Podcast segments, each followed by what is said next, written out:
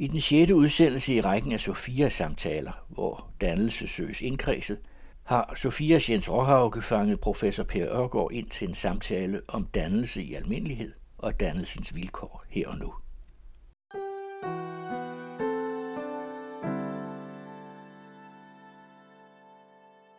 Der er nogle møder i det offentlige rum, der er lige ved at tage pusten fra en. Sådan var det for lidt siden, da jeg så Per Ørgaard på cykel ved et fodgængerfelt, og straks greb jeg chancen for at invitere ham over til en samtale om dannelse. Så velkommen, Per Ørgaard. Tak for det. Jeg vil gerne starte med at bede om sådan at udlægge de to udgaver af Bildung, som Georg Brandes taler om i sin definition på dannelse. Ja, han talte jo om det fra Tyskland, fordi han boede i Berlin omkring 1880. Og han talte om det som, ja, dels som dannelse, som du siger, Bildung, og så Bildung som formning. Og dannelse, det kaldte han universalitet i modsætning til indskrænket fagdygtighed. Og det andet formningen kaldte han den personlige bearbejden af kundskabsforrådet i modsætning til den videnskabelige videns upersonlige og kollektive karakter. Og nu havde Brandes jo ikke noget imod nogen af delene, altså hverken fagdygtighed eller videnskabelig viden, men det er, det er det, man gør med det, som er det spændende. Altså det, at man, selvom man er fagmand, kan se ud over sin næsetip og sit fags næsetip og se det i en større sammenhæng. Og så det, at man samtidig gør noget ved det personligt. Altså det Brandes forestiller sig ved formning, det er jo altså, at det er en selv, der former den videnskabelige viden og gør den til noget, som man så at sige også lever med og videreudvikler, og som altså ikke kun har betydning som noget, man ved, men også har betydning for, hvordan man i øvrigt indretter sig. Øh, når man taler om dannelse i dag, så er der jo nok mange, der opfatter formning mere som opdragelse, som det, der kommer udefra. Men øh, sådan er brand, mener Brandes det ikke. Mm. Så det vil sige, at den dynamo, han taler om her, er jo for så vidt den, der er gået igen i den skolelovgivning om samspillet mellem det individuelle og det fælles. Ja, faktisk. Og sådan er det jo også til at begynde med. Altså, det, selve dannelsesidealet, at vi henter jo ordet fra tysk, altså fra Bildung. Ikke? Og i virkeligheden er det jo hentet fra naturvidenskaberne. Det er hentet fra geologien, geologiske dannelser. Mm. Og det er jo nogen, der opstår af sig selv, men også under indvirkning af ydre ting. Altså klimaforandringer og sådan noget. Så på den måde kan man sige, at det har det der med sig hele tiden, og det har det jo også hos de gamle dannelsestænkere, altså Goethe og Schiller og Humboldt. Det er hele tiden en vekselvirkning, altså det er bestemt ikke kun opdragelse, det er hele tiden også med en betoning af vækst, det der kommer indenfra. Og øh, det er jo også derfor, at dannelsen hos Goethe for eksempel typisk, altså han bruger faktisk meget sjældent ordet egentlig, men så skriver han jo den her Wilhelm Meister-roman, som man betragter som en dannelsesroman, og det er jo, som jeg ser det, netop en roman, fordi man ikke rigtig kan bringe alt det der på begreb. Altså, dannelse passer øh, helvedes dårligt til et regneark. Og det er jo også derfor, den er gået af mode. Mm. i øh, nationale test. Ja, og gud. Ja. ja. Så dannelse ligger i sådan et lag, som man kunne kalde det poetiske lag, for eksempel i skolesynet. Det kan man godt sige. Altså Goethe samtidig Schiller, han skrev jo en hel afhandling om det, han kaldte menneskets æstetiske opdragelse. Ikke? Og det var en opdragelse ikke til, at alle skulle blive kunstnere, men at alle skulle have sans for det, han opfattede som en fri handling. Altså derfor var han så interesseret i at, at formidle dannelse gennem kunst, fordi han sagde, kunsten er den eneste menneskelige aktivitet, som ikke har et formål uden for sig selv. Og dannelse har på sin vis heller ikke et formål uden for sig selv. Men det har selvfølgelig en virkning uden for sig selv. Øh, nemlig den, at man bliver i stand til at omgås andre mennesker på en fornuftig måde. Og ovenikøbet have noget ud af det. Også det. Jamen, man har da bestemt selv. Man har, bestemt, man har bestemt selv noget ud af det. Man giver også noget, og man kan jo også men det er jo samtidig et meget socialt ideal. Altså, jeg tror, det var Ville Sørensen, der engang i, i et interview med gymnasieskolen sagde, at man kan ikke være dannet for sig selv. Og det sjove ved det er, at man kan jo heller ikke sige om sig selv, at man er dannet. Mm. Det er så er man bare til grin, ikke? Man kan sige det om andre. Benny Andersen siger ellers, at, at han er bedst, når han er helt alene. Han er mest god, når han er helt alene. Jo, okay, okay, ja, ja men øh, det, man kan sikkert også være god på andre måder end at være dannet. men, men, men, men altså i, sin, i sit væsen er dannelsen jo et emancipatorisk ideal, et frihedsideal. Mm.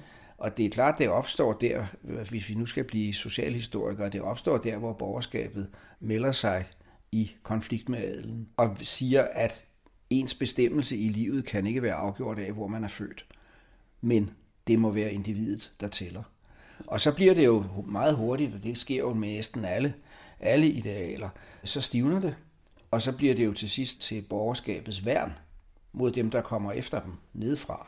Altså det første, det er en spydspids mod mm. de højere stænder, og bagefter så er det et skjold mod proletariatet.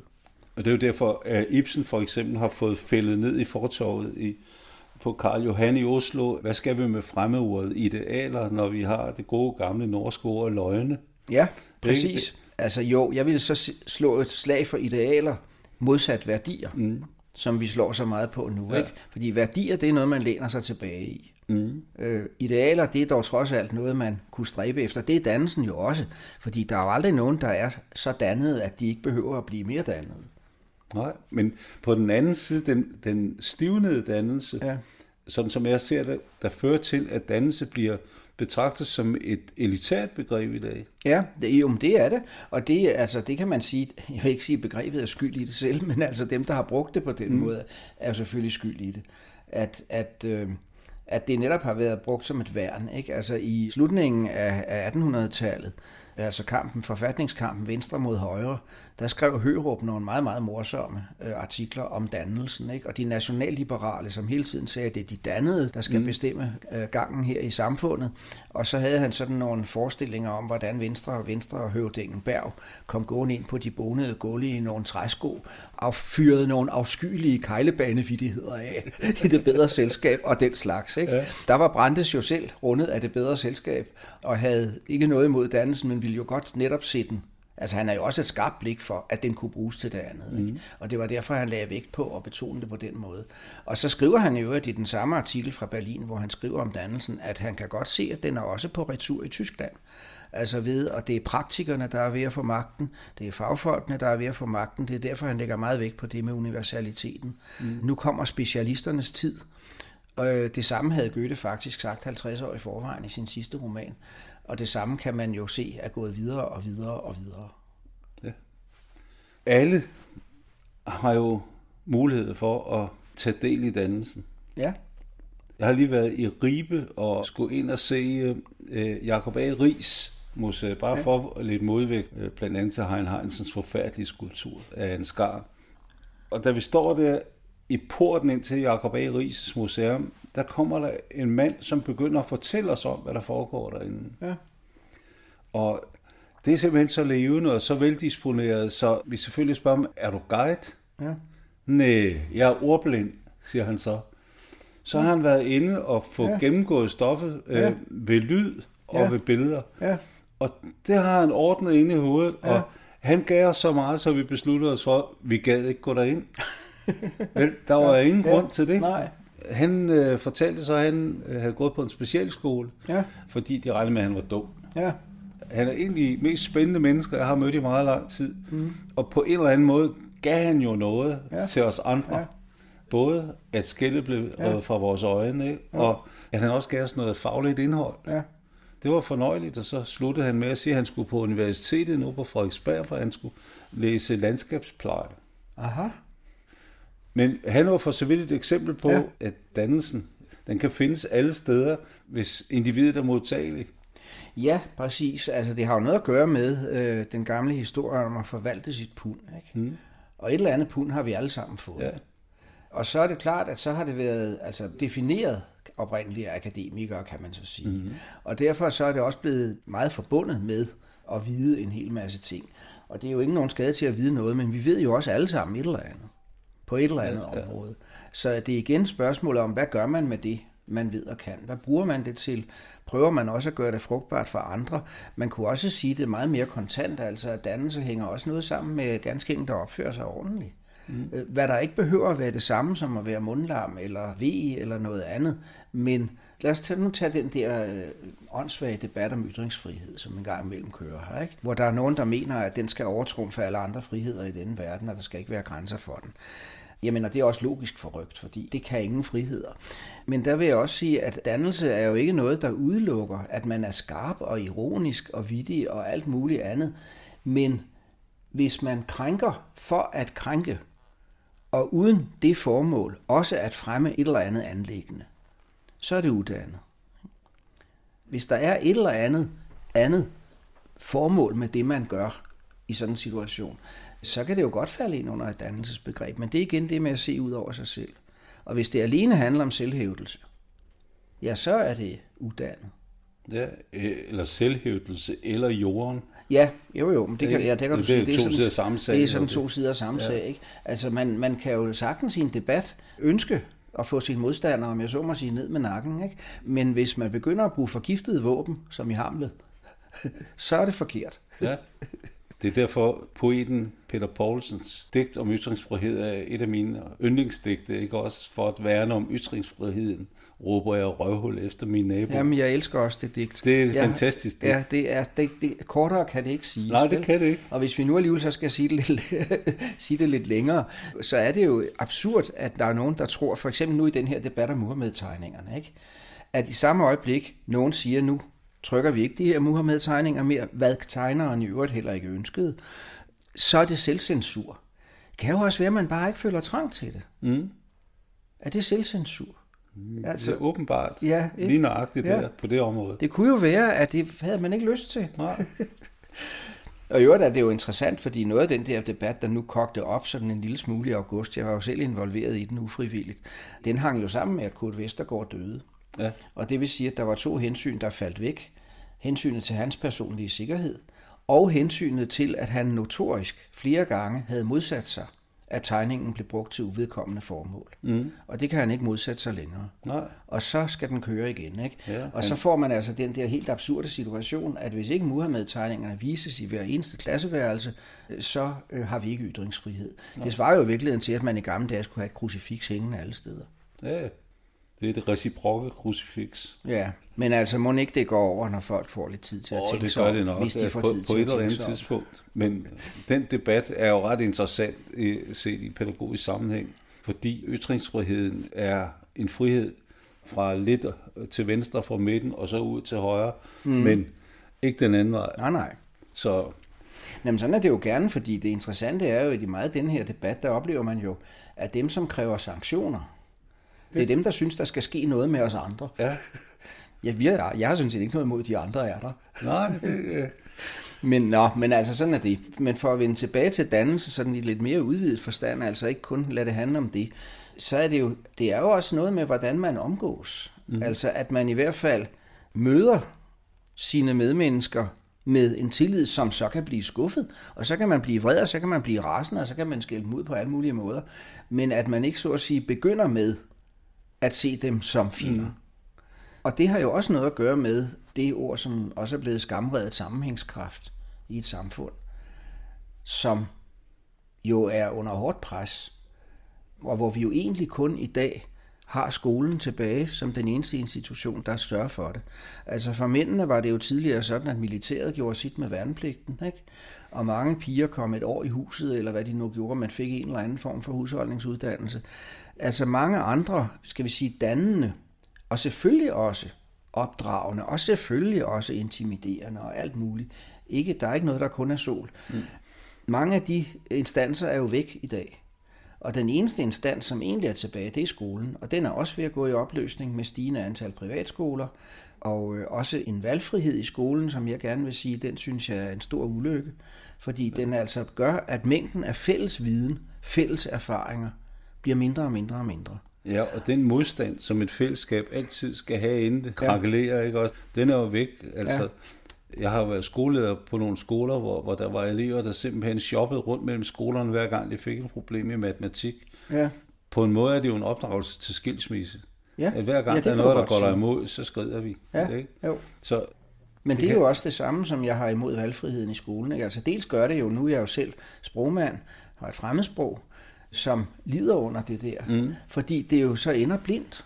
Altså tysk og fransk, og, og spansk, og hvad der ellers ja. Ja. måtte være, de ender jo alle sammen blindt. Mm. Fordi det øjeblik ikke alle skal lære det, så kan man i sidste instans alligevel kun bruge engelsk. ja, Det er, den, det er den erfaring, jeg nu har gjort gennem 20 år. Ikke? Ja. Og det vil sige, at ja, hvis jeg var ung i dag, så ville jeg da heller ikke vælge de der fremmedsprog. Fordi hvad skal man med dem, hvis man ikke kan få lov at bruge dem bagefter? nej. Det er derfor, jeg mener, at valgfriheden snyder både de unge og samfundet. og at man bringer folk ud i en helt ung alder i en valgsituation, der har betydning for resten af deres liv på den måde. Der synes jeg, at skolen må simpelthen have en fagrække, og så skal den fra tid til anden diskuteres, revideres og alt muligt, som den altid er blevet. Men det kan ikke nytte noget, at det bliver et supermarked, eller man netop kan shoppe rundt men, mellem men, det ene og det andet, og så springe over, hvor gader er lavest hele tiden. Nej, men det er jo fordi, den balance, vi startede med at tale om, med Brandes begreber, ja. om balancen mellem det fælles og det individuelle, ja. den er jo forrykket kraftigt. Ovenikøbet i forskellige læreplaner nu har øh, individet for en, eleven er kommet i ental. Ja. Hvor det før var i flertal, ikke? Ja. Ved, den seneste oh, ja. reform. Ja. Og, og det betyder, at individualismen er, slået endegyldigt igennem, og man kræver så, at den enkelte får ja. udbytte. Men derfor tøver jeg heller ikke med at sige, at hver gang nogen begynder at skælde ud på 68, så kan jeg svare, at neoliberalismen har anrettet betydeligt større skader mm. i samfundet, øh, også i mentaliteten. Så det er jo klart, at man kan jo ikke deregulere hvad som helst, uden man også deregulerer hovedet. Nej. Og det er det, der er sket. Ja. Og det er jo det absurde, at man tror, at der skal gives los for individet på alle mulige områder, og samtidig de samme mennesker, der siger, at nu skal vi have mere opdragelse. Det kan de jo ikke få. Nej. For de to ting modsiger hinanden. Mm. Vi kan se på det vokabularium, vi bruger i pædagogik i øjeblikket, at de tyske og franske termer, de er sådan stort set glædet ud, og vi ja. har fået angsaksiske. Ja. Og jeg sagde på et tidspunkt til dig, at den her angsaksiske vending, eller hvad man skal kalde det, har jo ført til meget skade. Hvorefter du indvendt, at der kommer sandelig også meget godt fra USA. Jo. Du, du sagde også, at der ikke kom så meget fra England. Det er så noget andet. Men at der kommer meget fra USA, hvad er det for nogen? Nej, jeg vil bare, altså USA har jo nok i virkeligheden bevaret mere af det kontinentale. Blandt andet på grund af en stærk tysk indvandring. Ikke bare altså under nazitiden, mm. men jo også i 1800-tallet. De har slået mig de gange, jeg har været på amerikanske universiteter, hvor stærkt egentlig den tyske lærdomstradition har sat sig i USA. Det er også nu, skal jeg ikke gøre mig mere klog på engelsk, end jeg er, men hvis jeg læser afhandlinger af mine engelske og amerikanske kolleger, så er de amerikanske kolleger, de skriver, om jeg så må sige, mere tysk i gåseøjne, end de engelske gør. Så det er den ene ting, men noget andet er, at jeg tror ikke, altså, der er også kommet meget godt fra England i tidens løb, men, men jeg hørte da en engelsk professor, godt nok en professor i tysk, for nogle år siden, at i humaniora havde England især, der er jo forskel til mm. Skotland og så videre, England især havde ikke noget at komme med mere, fordi de kan overhovedet ikke læse andre sprog end deres eget. Mm. Og vi kan efterhånden ikke læse andre sprog end engelsk og vores eget. Og det, er, det bliver det ringere af. Det kan ikke nytte noget. Altså man er nødt til at have mere førstehåndskendskab. Og ingen af os kan have det hele. Men så kan vi jo måske spørge nogen, som kan noget andet. Og dem er der efterhånden heller ikke nogen af, fordi øh, det hele bliver en monokultur. Og jeg plejer at sige, at vi, vi opfører os med vores åndsliv eller vores uddannelse, som vi aldrig ville gøre med vores penge. Hvis man havde en formue og gik til en bankrådgiver, så vil bankrådgiveren jo aldrig sige, at du skal sætte alle pengene i en eneste aktie. Du skal sprede din risiko og dine gevinstmuligheder. Mm. Men det gør vi ikke kulturelt. Og så er der det, at, at den stærke tyske påvirkning, altså i 1922, der stod P. Munk i rigsdagen og sagde, at nu havde vi været så meget under indflydelse af Tyskland, og var det stadigvæk, at det var meget vigtigt, at vi altså også så mod England og Frankrig. Ikke? Det vil sige, at dengang var der en, som kunne se, her er en dominerende indflydelse, mm-hmm. den må afbalanceres. Og i dag har vi en anden dominerende indflydelse, og ingen drømmer om at afbalancere den. Og det, som var kernen i alt det, man kom, der kom fra Tyskland, det var, som Wilhelm Grønbæk engang sagde, det var, at det var os også så nært, at vi også kunne modsige det. Grundtvig kunne gøre op med det, Kierkegaard kunne gøre op med det, men de løftede sig ved det. De vidste, hvad det var, og mm. de kunne også sige, hvor de ville sige fra. Hvorimod i dag siger vi jo ikke fra over for noget som helst. Og et af mine yndlingseksempler, det er helt banalt, det er, at vi tror, at alle amerikanere er dus med hinanden. Det er de jo ikke. Men se hver undertekst i dansk tv, på, hvad enten det er film eller nyhedsudsendelser, man tror, at den amerikanske præsident går og siger du til alle mennesker. Det viser, hvor lidt vi i virkeligheden forstår af deres sprog og af deres kultur. Det er meget interessant, den knivsangsbevægelse, du nævner, at amerikanerne på grund af blandt andet tysk indvandring, men også mange andre indvandringer, holder fast i en, en tradition for at lære og for visdom, og hvad man ellers kan komme og sige. Der er en spansk pige, der hedder Irene øh, Vallejo, som har skrevet en bog, der hedder Evigheden i et siv, om bogens historie. Og hun fortæller der en parallel historie om, hvordan romerne var, stort set var kulturløse, men importerede den græske kultur og dyrkede den græske kultur, og oven købet på imperialistisk vis udbredte den græske kultur til provinserne, ja. fordi de ikke selv havde nogen. De ja. var opstået ved et brodermor og massevoldtægt. Ja. Ikke? Så, og USA er opstået ved et folkemord på indianerne. Ja, ja, ja så, så, så, ja. Så, så der er jo nogle paralleller der. Ja. Problemet er, at romerne fik så lidt modstand, så de gik i opløsning. Mm.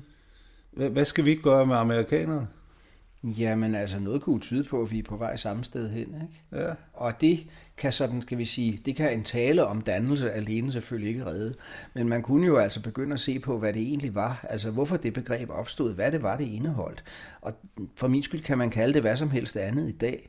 Men man kan ikke undvære de kvaliteter, mm. som ligger i det og som har at gøre med alt det, vi i øvrigt taler om i dag, netop sammenhængskraft og demokrati, og for så vidt også øh, natur- og klimabevidsthed og alt muligt andet. Det har jo alt sammen noget at gøre med dannelse, og derfor er det jo heller ikke noget tilfælde, at netop her på det sidste, der var nogen, der hæftede sig ved, at ved Folketingets åbningsdebat, der havde de åbenbart alle sammen talt om dannelse. Jeg hørte den ikke, det var måske uddannet af mig, men det er åbenbart virkelig kommet på mode. Spørgsmålet er så, hvad mener man med det? Og i mange tilfælde hører jeg hovedsageligt, at man mener kæftritterretning. Mm. Og det dannes jo ikke. Nej, det er dannethed, man tænker på. Ja, ja altså ja, eller, eller kun den side, der hedder formning, og ja, formning ja, udefra. Ja, ja. Ja. Det er jo også interessant, at dannelse har jo ikke nogen ekvivalent på hverken engelsk eller fransk. Mm. Jeg skulle engang åbne en pædagogisk konference, i, altså i medfør af mit fondsmedlemskab, ikke fordi jeg var deltager i konferencen, med en tale på engelsk, og der sad vi netop og diskuterede, at den skulle handle om dannelse. Og vi sad og diskuterede, jamen, hvad skal det egentlig hedde på engelsk? Skal det hedde formation? Skal det hedde education? Hvad skal det hedde? Og nogle gange oplever man jo, at engelsksprogede tekster bruger det tyske ord bildung, mm. hvis de vil sige, hvad det er. Og det er jo ikke, fordi tyskerne nødvendigvis er klogere end andre mennesker, eller har, har fattet det hele mere, men det er forskellige kulturelle traditioner. Og hvis vi ikke længere er klar over, at vi uanset alt det, vi tager ind fra andre steder, hører til den tradition, så mister vi også evnen til at vurdere, hvad det er, vi henter andre steder. Og derfor synes jeg nok, at det kunne være en idé at kigge på det, som altså også historisk, og, og se, hvad det er for et menneskesyn, der ligger bag det. Mm. Og det er jo altså, jeg mener, det er jo så at sige det, der er i Europahymnen, altså Schillers jo det ikke særlig god digt, ikke? om, om Freude og så videre. Ja. Det var den samme, der skrev om den æstetiske opdragelse. Ikke? Men igen, hvis man skal pinde ud, i sådan nogle bullet points. Ikke? Det kan man ikke med dannelse. Ja. Og fordi man ikke kan det, så falder det under bordet. Og det er jo en udvikling, som ikke bare er angelsaksisk. Altså, det er jo forstærket også rent teknologisk, så kan du sige, at teknologien kommer også derfra, men det vil jeg ikke sige noget nationalt om. Men der er jo sket det også med den tiltagende digitalisering, hvor Danmark jo er gået ekstremt langt i digitalisering, og nærmest stort set har afskaffet alle andre kommunikationsformer der sker der jo det, at det, der ikke kan digitaliseres, det, der ikke kan formuleres inden for den ramme, det er der bare ikke. Og i nogle tilfælde er det jo det, det hele hænger på. Altså i alvorlige situationer, der viser det sig jo, at det, som man til daglig kalder de bløde værdier, det er de hårdeste af dem alle sammen. Det er de andre værdier, der falder sammen. Mm. Skal vi ikke fæde ud her? Jo, gerne for mig, fordi nu synes... har jeg jo lige sagt, at man ikke kan komme det nærmere. Jamen, jeg synes det, at det er... Ja, så fik vi begge to noget ud mellem sidebenene. Det kunne jeg godt. ja. Jamen, det er sgu vigtigt her, ja, ja. synes jeg, fordi ja. på en eller anden måde, så man er jo nødt til at være lidt vred. Ja, det er man. Det er man faktisk.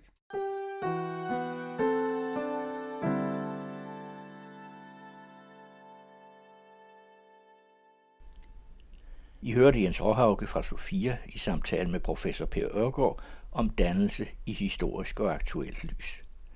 Udsendelsen er den sjette i en række Sofia-samtaler, der søger at pejle, hvad dannelse er for en størrelse.